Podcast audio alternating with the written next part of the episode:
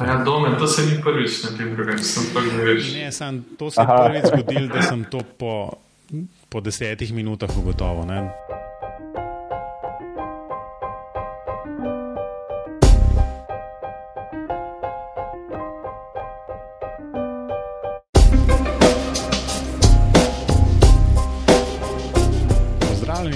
Podcasta BIM Pogovori, v kateri se z gosti sproščeno pogovarjamo o informacijskem modeliranju zgradb in informacijsko-komunikacijskih tehnologijah v gradbeništvu. Po oddaji bomo tokrat govorili, kako se slovenska podjetja lotevajo BIM-a. Z vami sva Robert in Mateoš.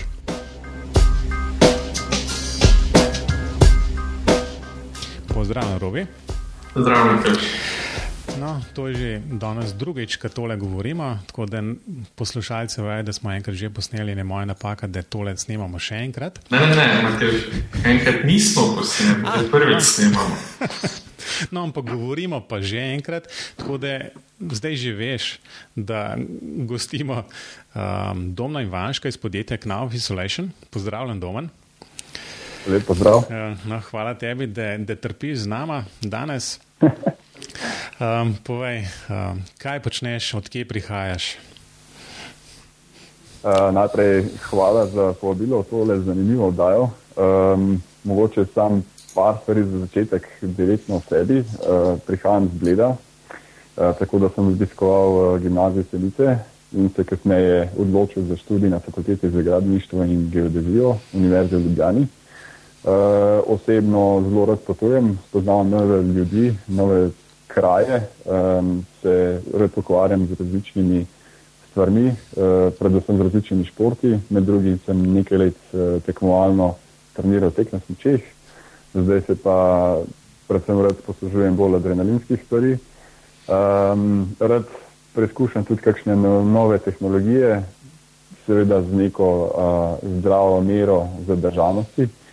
Um, se pa tudi na različnih potovanjih ne moramo tresti pridobljene poklicne deformacije in seveda stavbe pa mesta opazujem malo z uh, gradbeno-inženirskega stališča. Hvala za tole predstavitev. V bistvu res si pač naštel veliko stvari, o katerih bi se dal pogovarjati. Um, skratka, držali se bomo nažalost danes samo, samo Bima ali pa v bistvu s tem povezanih stvari.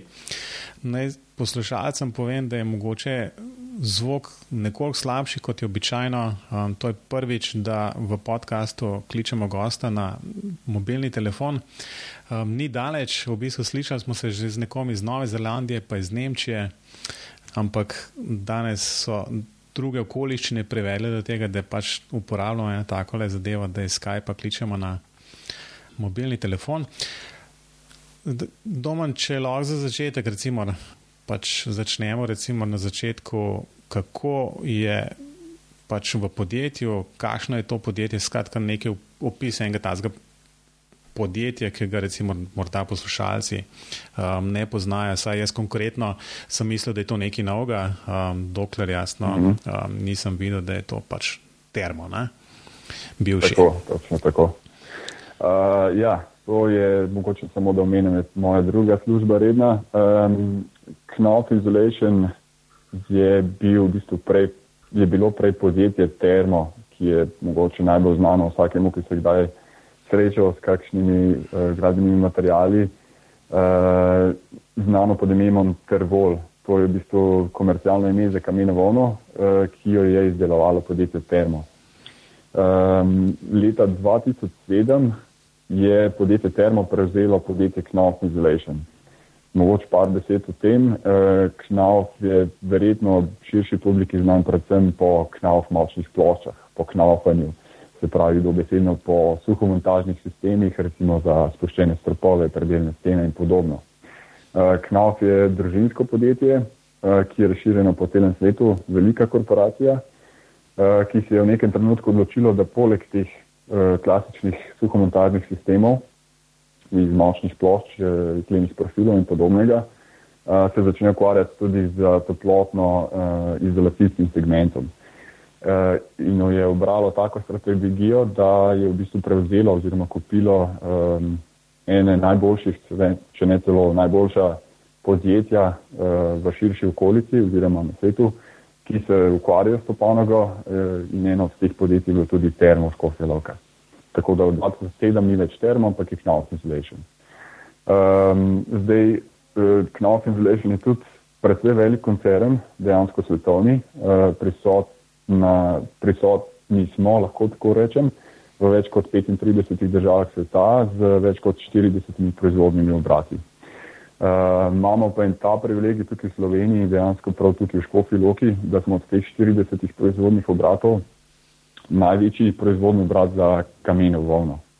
Uh, tukaj v Škofi Loki je tudi uh, center razvoja tehnologij za kamenjo volno, celo uh, zelo sodoben centralni razvojni laboratorij za cel koncern, center ON, komercialne organizacije, se pravi produkti, ki se prodajo kot polprodukti industrijskim kupcem, recimo za protipožarna zvočna izolativna vrata, ki se potem prodajo recimo zelo prestižnim hotelom, med drugim tudi v Dubaju, Abu Dhabiju, uh, Rusija, Amerika in tako dalje, uh, dimniški sistemi, uh, za vse vrste pečic, uh, več, oziroma večino vseh najbolj znanih uh, podjetij pečic se proizvaja tukaj v, v Sloveniji, izolacija um, za fasadne panele in tako dalje. In tukaj imamo tudi v Škofiloki center razvoja in pa vodstva za naš novi segment uh, zelenega prodajnega programa, to so pa zelene strehe, rešitve za zelene talne površine, zelenice, vrtnarstvo in podobno. Tako da en tak privilegij, no, da imamo kar močen razvoj in pa um, močno ekipo prav tukaj v Sloveniji, v eni menjni državi za podjetje, ki je prisotno na, na dejansko vseh svetovnih trgih. Tukaj smo tudi prvi uvedli um, novo tehnologijo um, proizvodne, uh, ki je ponoven z energentom plin, prej bil s koksom. Uh, in tudi to je v bistvu en tak uh, močan uh, razvojni menik v, v tej industriji. Tako da mogoče na kratko, oziroma mogoče malo manj na kratko o, o podjetju. Ja, vsekakor, vsekakor zanimivi podatki. Jaz sam osebno veliko večino tega nisem vedel. Predvsem impresivno je to, da je slovenska podružnica pač vodilna v razvoju enega takega globalnega produkta, ker mi smo se namreč srečali na enem dogodku in tam niste predstavljali suhomotarnih sistemov, kot te zelene strehe. Uh mhm. -huh. Ja, uh, zdaj mogoče samo še to, da omenjam tukaj Knauf Isolation uh, se ukvarja res z izolacijami, pa s tem zelenim programom. Medtem ko naša, naše partnersko podjetje Knauf Ljubljana, ki je čist lokacijsko, upravno, tehnično, logistično ločeno od nas, je, pa locirano na Dunajski cesti v Ljubljani. Oni imajo pa močne sisteme, močne plošče in tako dalje. Tako da seveda sodelujemo med sabo, ampak smo tako kot sem prej omenil, precej ločeni, kar se tiče lokacije, logistike, vodenja in tako dalje. Um, jaz osebno sem pa zaposlen tukaj kot in, inženir tehnične podpore trženju na segmentu gradbeništva. Um, na segmentu gradbeništva pa dejansko izdelujemo izdelke, uh, recimo iz kamenje volne, steklene volne, ekstrudiranega polistirena, ki se prodaja potem kot končni produkti, se pravi ne kot polprodukti industrijskim kupcem, kot v primerih vrat, dimnikov in podobno, ampak eh, končni izdelki, ki se v taki obliki že dobajajo potem na gradbišče. Uh, ta segment je pa omejen v vsaki državi uh, na svoj lokalni trg, uh, ker seveda verjetno tudi sama dobro poznata vsak trg ima svoje določene predpise, zahteve, značilnosti, eh, tako da ta gradbeniški segment je v vsaki državi nekaj ločen po svoje. No, v bistvu jaz trenutno ne morem iz svoje kože, ne da bi vprašal, v bistvu, kakšen je bil prehod um, iz um, študijskega obdobja in potem, ko si končal um, v, v, v ta del, kjer, kjer pač govoriš o, govoriš o precej specifičnih stvarih, kjer verjamem, da večino tega recimo, na fakulteti nisi spoznal ali pa vsaj ne v ta, tolikšni meri, da bi ti enostavno omogočali um, zelo enostaven prehod um, in delo v, v podjetju. Um, lahko mogoče samo tako daš za občutek, kakšen uh -huh. je mhm. bil ta prehod, v bistvu je bil težek, um, zelo, zelo naporen, ali je bilo v bistvu vse skupaj dost, um, dosti spremljivo, dosti v bistvu v, v, v, v luči vem, sprotnega učenja in tako naprej.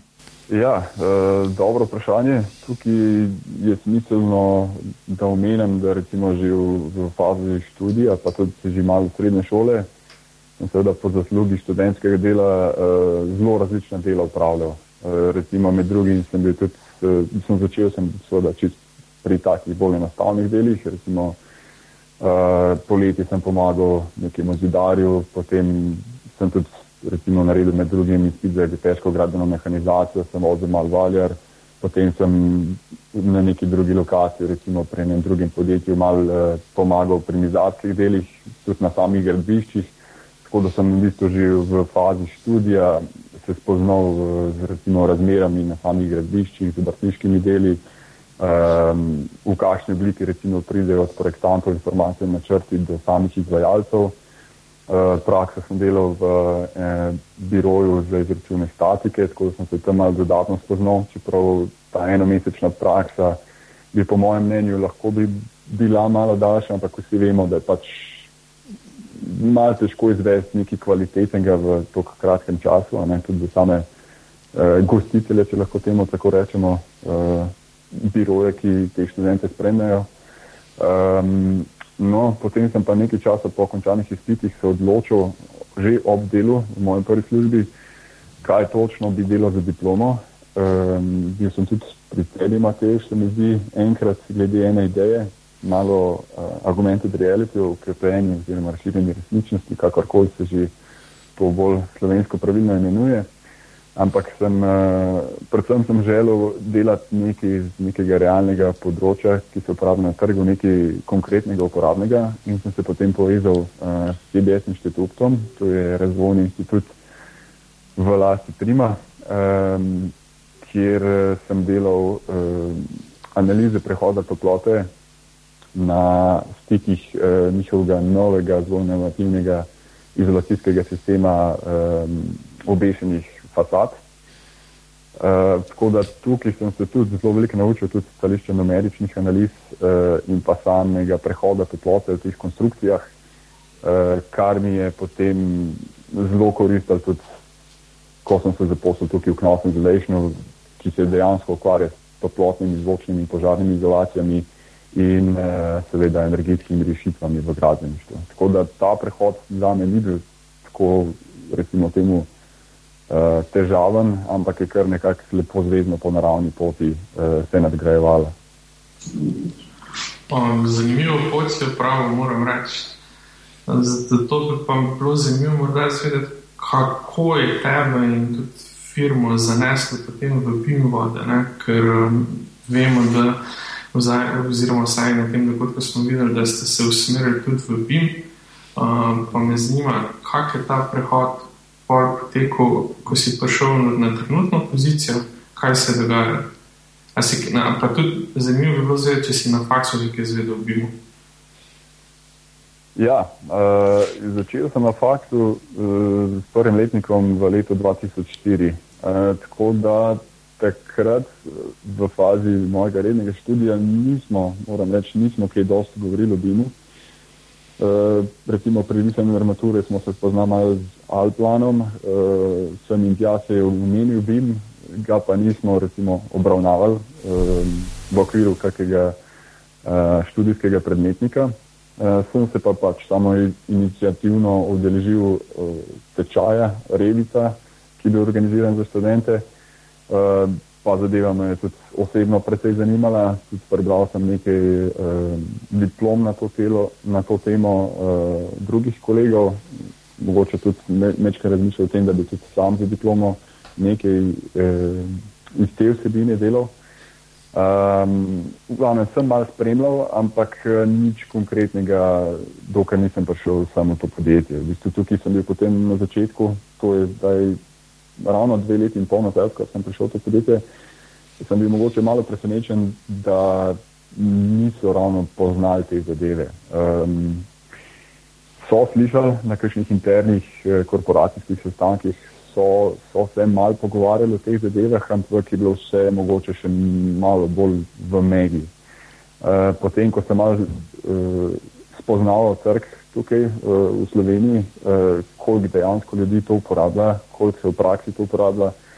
Sem v bistvu hiter videl, da je mogoče to malenkostno nepoznavanje te, te teme bilo čisto pravično, ker razen zelo redkih industrijskih ponudnikov gradništva tukaj v Sloveniji dejansko te knjižnice še niso toliko razvite in se ta metodologija še ne uporablja uh, v projektiranju, izvedbi, uh, sploh pa ne v upravljanju toliko, um, da bi se lahko zadeva že zelo množično poznala. Tako da v bistvu sem dal idejo, že zelo malo, ko sem prišel v to podjetje, da bi se razvile bin knjižnice teh naših produktov izolacijskih z namenom, da imajo projektanti na voljo v taki zelo priročni obliki vse naše materijale z vsemi potrebnimi karakteristikami, ki jih potem eh, potrebujejo za nadaljne analize in projektiranje. Tako da mogoče z prve roke lahko povem, um, da sem, smo se odločili, oziroma sem se odločil, da um, naredimo BIM knjižnico za dve platformi in sicer um, za Autodesk Revit in za, um, za nemeče, nemečko Archicad. Um, predvsem iz stališča, ker sta po mojih izkušnjah in pa pogovorih z, z deležniki v procesu oziroma projektanti in drugimi eh, igralci v gradbeništvu tukaj v Sloveniji to najbolj razširjeni platformi. Um, za knjižnico za Revit smo potem uh, razvili sodelovanje s CGS Plusom, medtem ko knjižnico za Arhike z Pilonom, ki sta v bistvu glavna distributerja za ti dve platformi. Um, za naš uh, drug segment zelenih rešitev Urbanscape smo pa razvili uh, našo BIM knjižnico z španskim podjetjem Bimetika. To pa je iz tega razloga, ker, je, ker bo ta knjižnica res namenjena uh, celotnemu svetu, se pravi čist mednarodni skupnosti, KNAV kot uh, celotna organizacija pa ima neko krovno pogodbo z njimi. Uh, tako, ampak lahko iz vlastnih izkušenj rečem, da so naši strokovnjaki tukaj, pilon, eh, CGS, um, popolnoma kompetentni, če ne celo, bi si upal trditi, da če ne celo bolj kompetentni kot pa recimo tisti velik ponudnik teh BIM rešitev um, v Španiji. Tako da tukaj imamo res uh, vrhunske strokovnjake, uh, ki so sposobni zelo velik narediti, imajo um, ogromno znanja in izkušenj in lahko, zagoto, lahko z gotovostjo trdim, da, da lahko zelo dobre uh, storitve nudijo uh, naši industriji. V bistvu, jaz bi, jaz bi, mislim, hvala, da si že odgovoril na moje naslednje vprašanje, ko sem hotel vprašati, ali ste se tega sami lotili, ali ste um, poiskali zunanje partnere za, za izdelavo teh knjižnic. Um, to, kar sem hotel, v bistvu pa na splošno menti, ena tako v bistvu presenečenje, da v bistvu presenečenje nad odprtostjo um, podjetja v bistvu na takšne recimo predloge nekoga, ki pač pride, pa ni že dolgo tam, ne, um, da, mhm. da se stvari dejansko premaknejo, ker, ker jaz imam zelo pogosto občutek, da se te stvari sicer da na mizo, se govori o njih, potem se pa dolga leta nič ne zgodi, ne, um, ker pač uh, predlagatelj ni na ustreznem delovnem mestu ali pa nima dovolj moči od nekega odločanja o, o teh zadevah. Tako da v bistvu sem, moram reči, da sem kar presenečen, da, da se je to očitno dosti hitro zgodilo od takrat, ko si ti prišel, pa do tega, da dejansko te knjižnice imate na trgu. Ja, tukaj moram zelo pohvaliti no, uh, tole našo strukturo in odprtost naše ekipe. Uh, če je predlog dober, se ga splača obravnavati. Zdaj, imeli smo razvite že kaj detajle, po, m, razmišljali smo tudi o drugih knjižnicah in zadevah. Uh, tako da, ko sem jaz to predlagal, sem v bistvu prevzel ta projekt in začel malo raziskovati, kakšno je dejansko stanje na trgu, koliko tega že obstaja, kaj bi sploh morali zvesti, kaj bi bilo smiselno, kaj ne bi bilo. Ne. To je en določen proces, ki nekaj zahteva, ne. uh, nekaj časa predvsem. Ne poleg seveda vseh ostalih zadržitev, ki jih imaš. Um, ja, je pa definitivno zelo pozitivno, da je bilo to precej hitro in pa pozitivno sprejeto. In um, vsekakor me veseli, da smo to speljali še kar recimo um, kot eni recimo temu prvih na, na slovenskem trgu. Tako da, um, kot rečeno, uh, smo se pa odločili za seveda, pomoč specialistov, ki se s tem res ukvarjajo imajo izkušnje iz prakse, vejo, kako te zadeve projektanti uporabljajo in se seveda podali tudi uh, zelo veliko uh, kvalitetnih informacij in predlogov. No, zdaj, če je že ta implementacija bila uspešna, pa kot smo videli, se je v bistvu zgodila tako precej hitro. Um, kakšne so pa zdaj, prve izkušnje? E, kako prvi? Če, če ste zdaj pač se usmerili in pa prebrali te knjižnice, pa to me zdaj zanima, če so že zdaj kakšne prve izkušnje uporabljati te knjižnice. Ja, zdaj um, ravno zdaj v tem trenutku, oziroma dober teden nazaj, smo te naše knjižnice objavili na spletni strani, tako da pozivam vse poslušalce, um, to bo tudi objavljeno spode v, v priporočilih, da grejo na spletno stran v www.knowledge.com, pošiljnica BIM knjižnica uh, in si te datoteke oziroma knjižnice prenesejo in tudi gledajo in uporabljajo. Um, moram reči, da neke močne zdaj uh, marketinške kampanje oziroma uh, oglasov tega še nismo planirali, bo pa to sledilo zdaj v kratkem.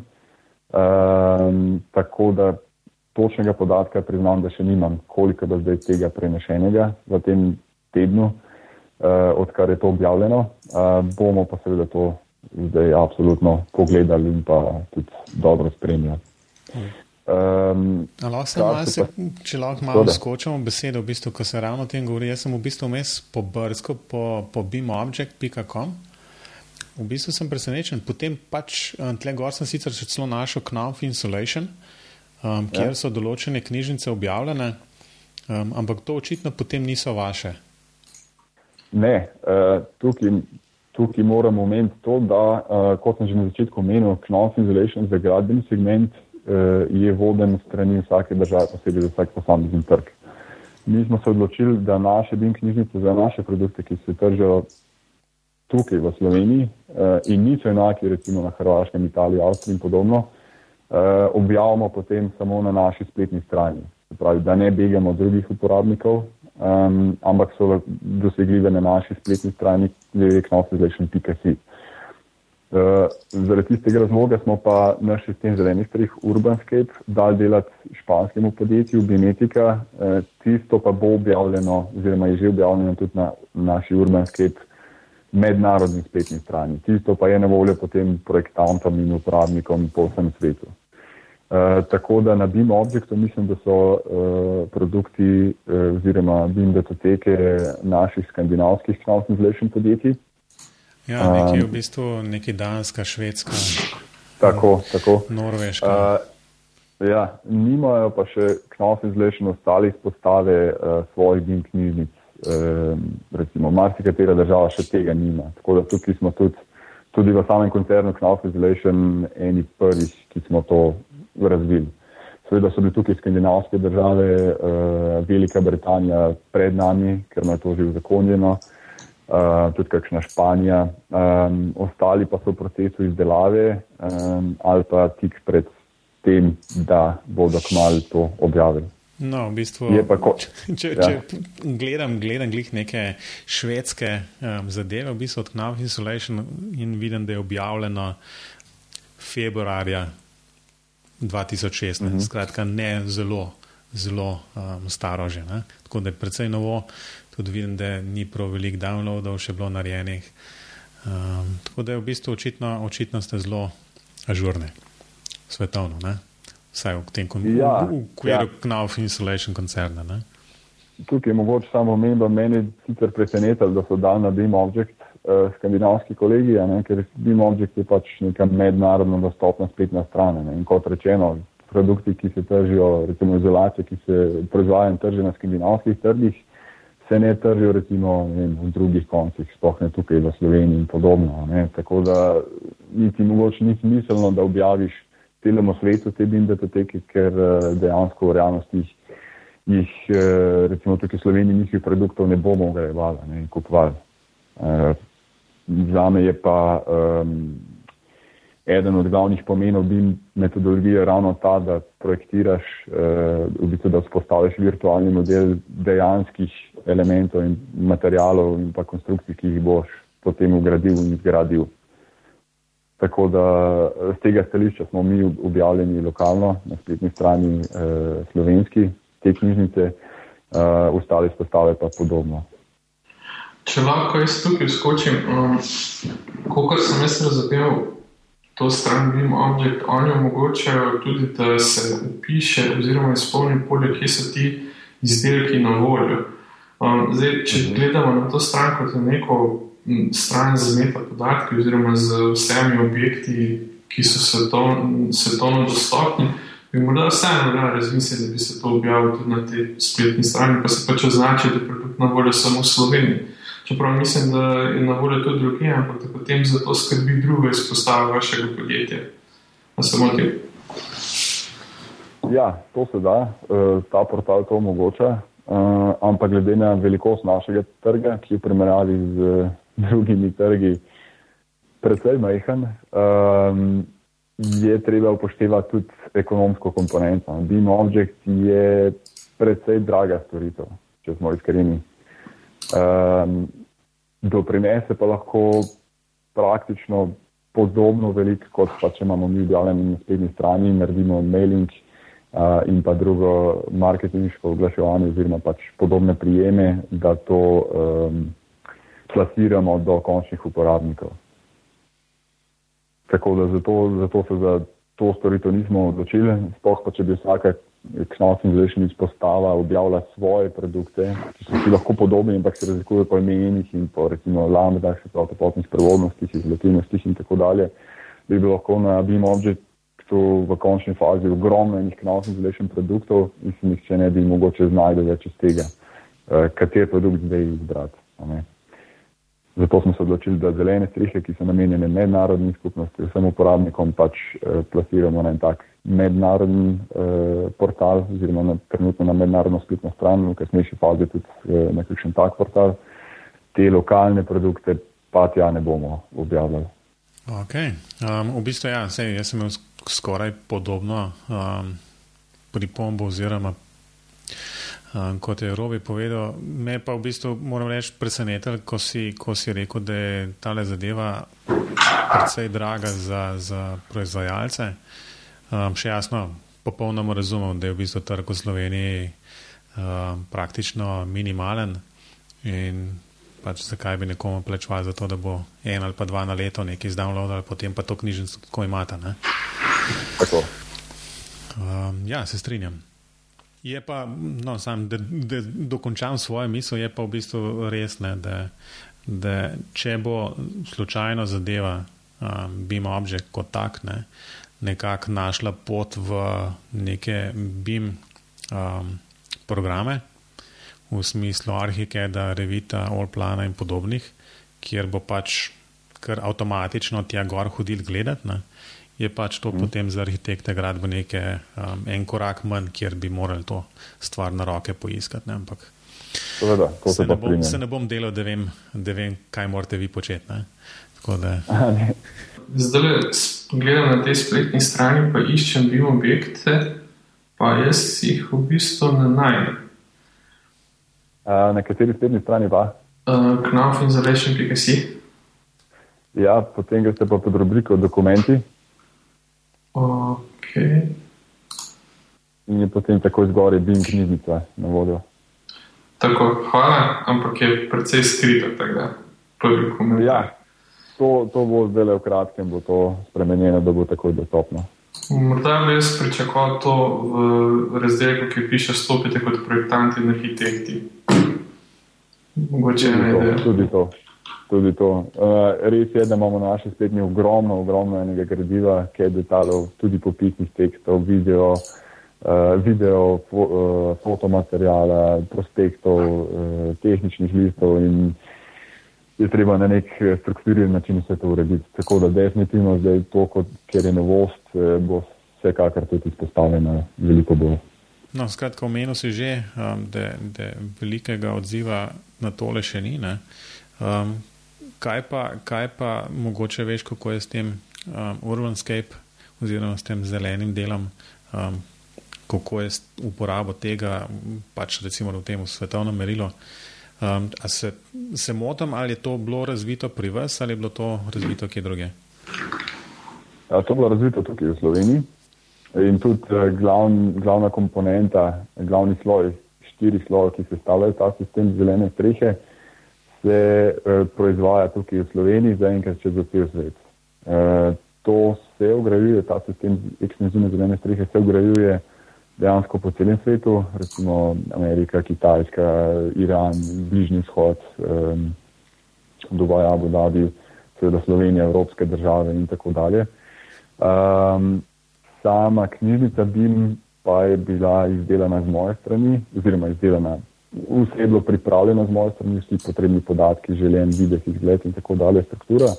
Um, dejansko sama izdelava potem knjižnice v, v samem BIM formatu pa je bila uh, izvedena strani uh, BIM-etika v Španiji. Jaz bi sam morda že kar naprej se napovedal, da domna kontaktirava čez nekaj časa, ker bi me zanimali prvi odzivi na njihove knjižnice in če, če bodo kakšni odzivi, kako jih uporabljajo. Um, predvsem pa zdaj tukaj v tem primeru zanima, so to samo knjižnice, da uh, za projektante in arhitekte oni to, bi to domen uh, uporabljali tudi potem za prenos količin in za naročanje v marketinškem oddelku, ali je to ne povezano s sistemom, stari smo moče že povezani, kak je zdaj trenutno s tem, oziroma če imate kakšne druge plane. Ja, um, tako je. Um, zdaj, mogoče, da še odgovorim na prejšnjo vprašanje. Ja. Um, zdaj, v kratkem bodo znane točne številke, koliko je bilo teh prenosov uh, naših vseh tudi urbanskega, se pravi mednarodnega. Uh, vem, da se nekaj uporablja, točnih številk pa zdaj v tem trenutku zelo nimam. Uh, bom pa kratkem, da lahko naknadno malo sporočim. Uh, mišljeno je pa tako, da v bistvu je to v prvi fazi za projektante, da te materijale oziroma produkte vključijo v svoje projekte. Uh, direktne povezave nazaj iz uh, popisov količin v naša naročila ni, uh, ker to poteka, vsaj za slovenski trg, definitivno lahko to govorim, prek velikih deležnikov v procesu, ne, se pravi od projektanta gre do izvajalca, od izvajalca gre do podizvajalca, od podizvajalca gre do trgovca in od trgovca šele potem pride naročilo do nas, tako da te ne, direktne povezave ni mislim, da je tudi eh, neposredno ne bo v taki obliki, kot je mogoče bila mišljena. Um, definitivno pa delamo tudi na tem, da uh, se, smo se že povezali s slovenskim podjetjem, ki nudi povezavo med BIM platformo, se pravi dejansko BIM modelom in pa dejanskimi popisnimi teksti. Se pravi, v trenutni fazi dobimo iz eh, BIM modelirnikov, recimo Revit, Archicad in podobno, eh, popise količin. Se pravi, taka pa taka stena, toliko kvadratnih metrov, ta pa ta izolacija, toliko pa toliko kvadratnih metrov ali kubičnih metrov, pač te izolacije. Ehm, ne funkcionira pa še ta povezava med temi količinami in dejanskim popisom del, ki je pa osnova za potem razpise, eh, ponudbene predračune in tako dalje. Ampak, kot rečeno, smo že v fazi tudi uh, nadaljnega razvoja tega in že sodelujemo s slovenskim ponudnikom, ki izdeluje te rešitve. Uh, mogoče še druga stvar, ki bi jo lahko omenil, uh, te knjižnice, se pravi, so bila prva faza našega BIM razvoja, druga faza, ki nas čaka v prihodnosti, ki se je bomo uh, lotili, mislim, interes uh, uporabnikov je, da uh, ti naše BIM knjižnice povežemo tudi z našim programom za izračun gradbene fizike, to je KI Energija, ki je eden od treh certificiranih oziroma uh, uradno uveljavljenih programov tudi za izdelavo energetskih izkaznic v Sloveniji. Uh, tako da bi lahko neposredno dobili uh, iz količin, uh, ki jih dobimo iz bi modela, že prave količine in sestave konstrukcijskih sklopov v tem programu, je energija, da ni potrebno teh elementov in pa količin še enkrat ročno vnašati. Tako da to bi bila tudi ena dodatna nadaljna faza razvoja. To je, si predstavljam, kaj poseben program, kjer načeloma izvoziš, izvoziš um, tale um, BIM model, pa ga tam nekako uvoziš noter in potem računaš naprej, ali je to zintegriran kot nek plugin um, v obstoječe BIM programe? Kaj energija je čisto ločen program, um, ki se uporablja recimo za izračune gradbene fizike, za izdelavo energetskih izkaznic, kjer pa za določeno lokacijo objekta, njegove karakteristike, recimo bruto, tlorisna višina, neto površine, oblikovni faktor in tako dalje. In potem ročno sestavljamo konstrukcijske sklope, recimo zunanja stena, sestava, recimo opeka kamena volna, zaključni fasadni med, na notranji strani odmeni med, uh, z realnimi materiali, seveda z realnimi materialnimi karakteristikami. In potem iz tega točno dobimo um, faktore toplotne prehodnosti, a se pojavi v konstrukcijah uh, kondenzacija vodne pare in tako dalje na podlagi točnih meteoroloških podatkov. Uh, poleg tega lahko um, definiramo tudi zelo natančno ogrevalne sisteme, eh, sistem ogrevanja, eh, potem sistem ogrevanja vode, eh, porabo elektrike, razsvetljavo, zračenje in nadaljne sisteme in iz tega dobimo neko, nek celovit podatek o rabi energije in potrebni energiji za obratovanje objekta, toplotnih izgubah in tako dalje. Zdaj, poanta je, da ne bi tega uporabnika vse ročno um, vnašal vseh materijalov, materialnih karakteristik in sestav teh konstrukcijskih sklopov, ampak bi jih dobil uh, v primeru uporabe BIM um, platforme že direktno iz BIM modela. No, super. Okay. Um, skratka, ta del povezave očitno še ni narejen, ne? ampak um, najbrž pa imate načrt. Ne, ne. Okay. Ampak uh, je nek potencial za prihodnost. Ja, definitivno. Ne? Okay. Jaz mislim, da, da bi, bi tale osrednji del razgovora počasi zaključili in šli na um, počasi priporočila, ki se pa tudi nanašajo na um, BIM. Doma mhm. neki, neki očitno si pripravil, ravno, ravno povezavi z izolacijskimi postopki stavb. Um, povej, kaj si tle kot priporočila dal.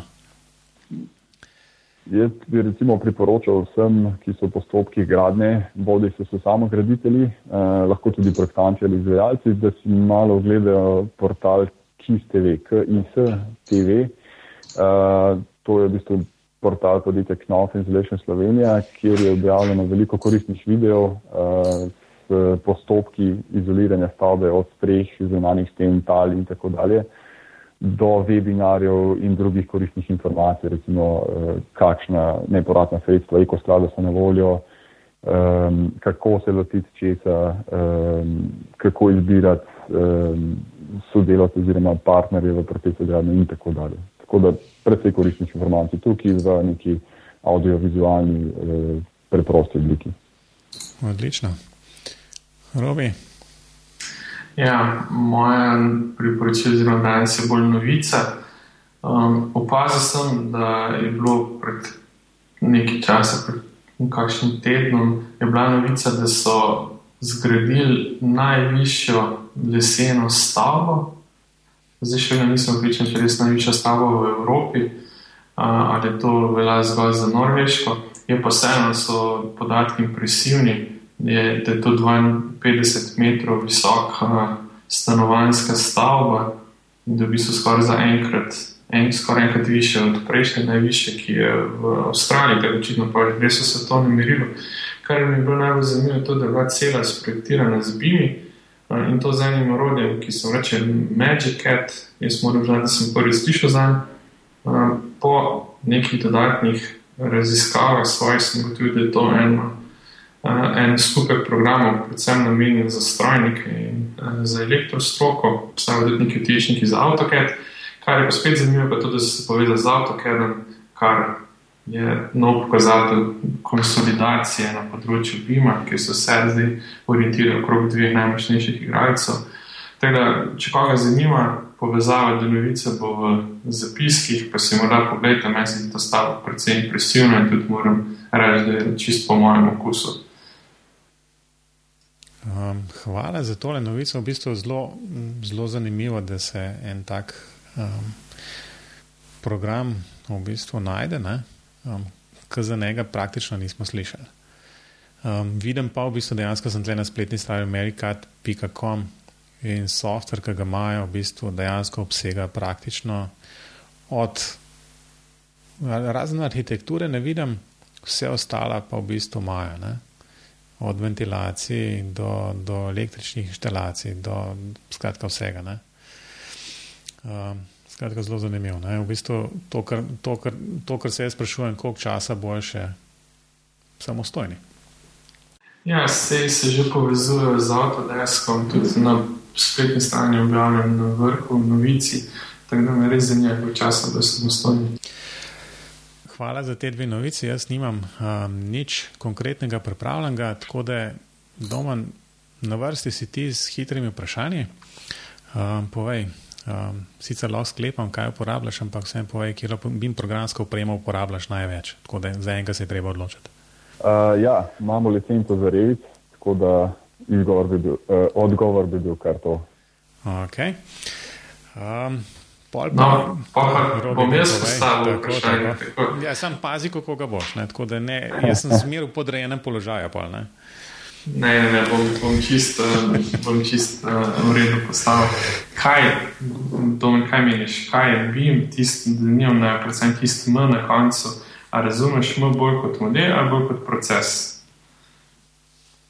Ja, Rubi, danes bom uh, tebe razveselil. Uh, jaz smatram BIM predvsem kot proces, katerega glavni oprijemljivi del pa je seveda BIM model. Uh, bom razložil. Um, zdaj, BIM model vsekakor je uh, definitivno uh, glavni sestavni del tega, da BIM proces uh, funkcionira.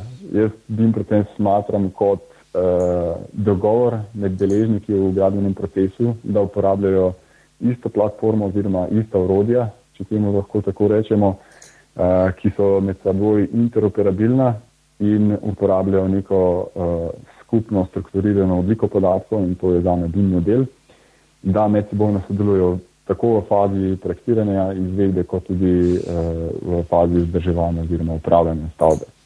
Zdaj, bi model vsekakor je uh, nujna osnova, da ta proces oziroma sodelovanje funkcionira, uh, ni pa uh, to še um, edini pogoj, da ta proces funkcionira. Recimo en konkreten primer, jaz v svoji liniji dela ogromno sodelujem z arhitekti, Um, marsikateri slovenski arhitekti so že preizkusili uh, BIM tehnologijo, so jo že uporabljali, ampak se sčasoma potem opustili. Zdaj, glavni razlog je predvsem to, uh, da recimo, če BIM platformo uporablja samo arhitekt, um, ostali deležniki pa ne, recimo mora statiku v eksportni obliki, potem v DVG formatu pošiljati načrte, potem statik ponovno ročno naredi svoj model, bodi si 2D, 3D model za uh, statični izračun. Arhitekt pošiljati DVG, da, da so teke strojnim elektroinženirjem, oni spet na svojih uh, CAD platformah ustvarja svoje načrte, pošiljajo nazaj arhitektu, seveda gre potem to naprej um, do izvajalca, na koncu na upravne noto v papirnati obliki, vse na nekih 2D podlogah. Uh, potem vso to delo, ki ga in trud, ki ga in pa seveda svoj čas, ki ga v to vloži arhitekt, pa je lahko ta BIM model od arhitekta zelo podoben, zelo natančen, super, z vsemi rešenimi kolizijami, z vsemi uh, rešenimi detalji, z natančno definiranimi materijali. Um, Mali izgubi ta svoj čar oziroma smisel. Se pravi, arhitekt ima zelo veliko dela, da se to spostavi. Uh, ampak, če drugi deležniki procesu ne znajo tega izkoristiti v polni meri, um, za me to ni tisti pravi BIM. Se pravi, BIM jaz smatram bolj kot metodologijo, ne samo kot eh, fizični oziroma digitalni model. Doma si me prepričal. Še zmeraj je to model, tako da hecam se. um, ne, ne, resno. Um, v bistvu, lej, se strinjam, no, ampak moram, moram biti malo. Moram malo narediti okoli tega. Um, no, še zadnje vprašanje, v bistvu pa tale nesrečen OpenBeam oziroma standardi v tem BIM procesu, um, kako je s tem. Se splača malo potruditi okoli tega ali pa rečemo, tako kot ste bolj ali manj vi rekli, ne, um, ok, naredimo za vsako platformo svojo, svojo verzijo in smo s tem zaključili. Ne.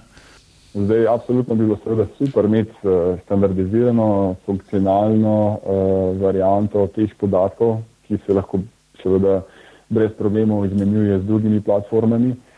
Um, resnica pa je ta, ne, da pač eh, vsak razvoj neke rešitve nekaj stane. Ne. Seveda nihče noče v industriji ogromno nekaj truda, časa, stroškov, financ, eh, znanja eh, porabljati za nekaj, kar bo nekdo potem z nekim čist brezplačnim eh, softverem, programom um, uspešno izkoristil um, in bil veliko bolj konkurenčen ravno zaradi tega. Ne.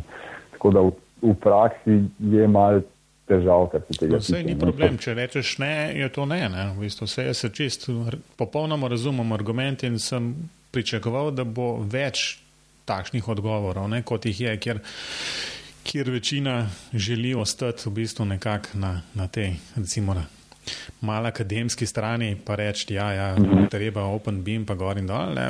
Na koncu pa taka podjetja, kot je vaše tam, ne, pa hočejo bolj ali manj prodati stvari. Ne.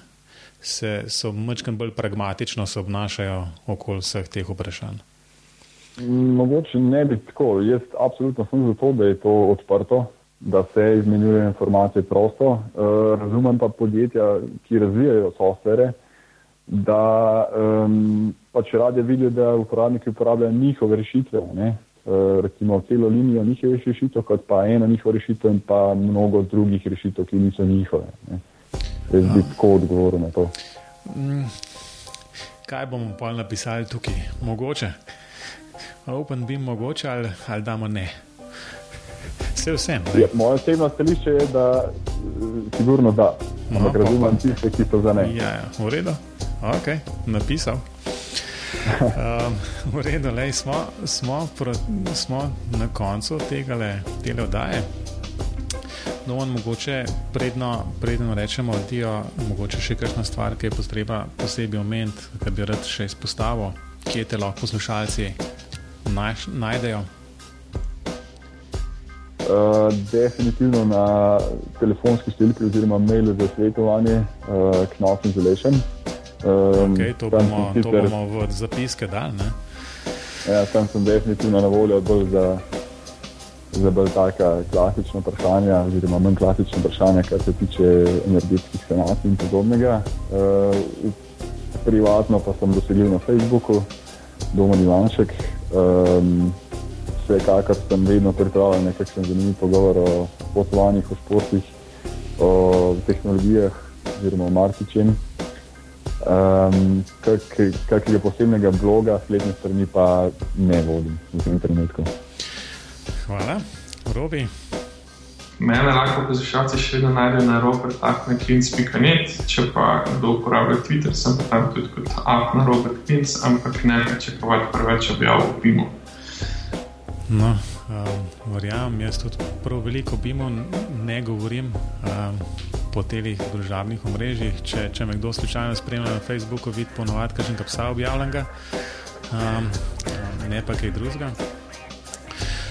Um, sicer me pa lahko najdete na teozdolens.com, um, tam so povezave tudi, tudi na, na vse ostale stvari, ki jih počnem. No, BIM pogovori so pa na spletu, Facebooku in Twitterju, posod z BIM pogovori.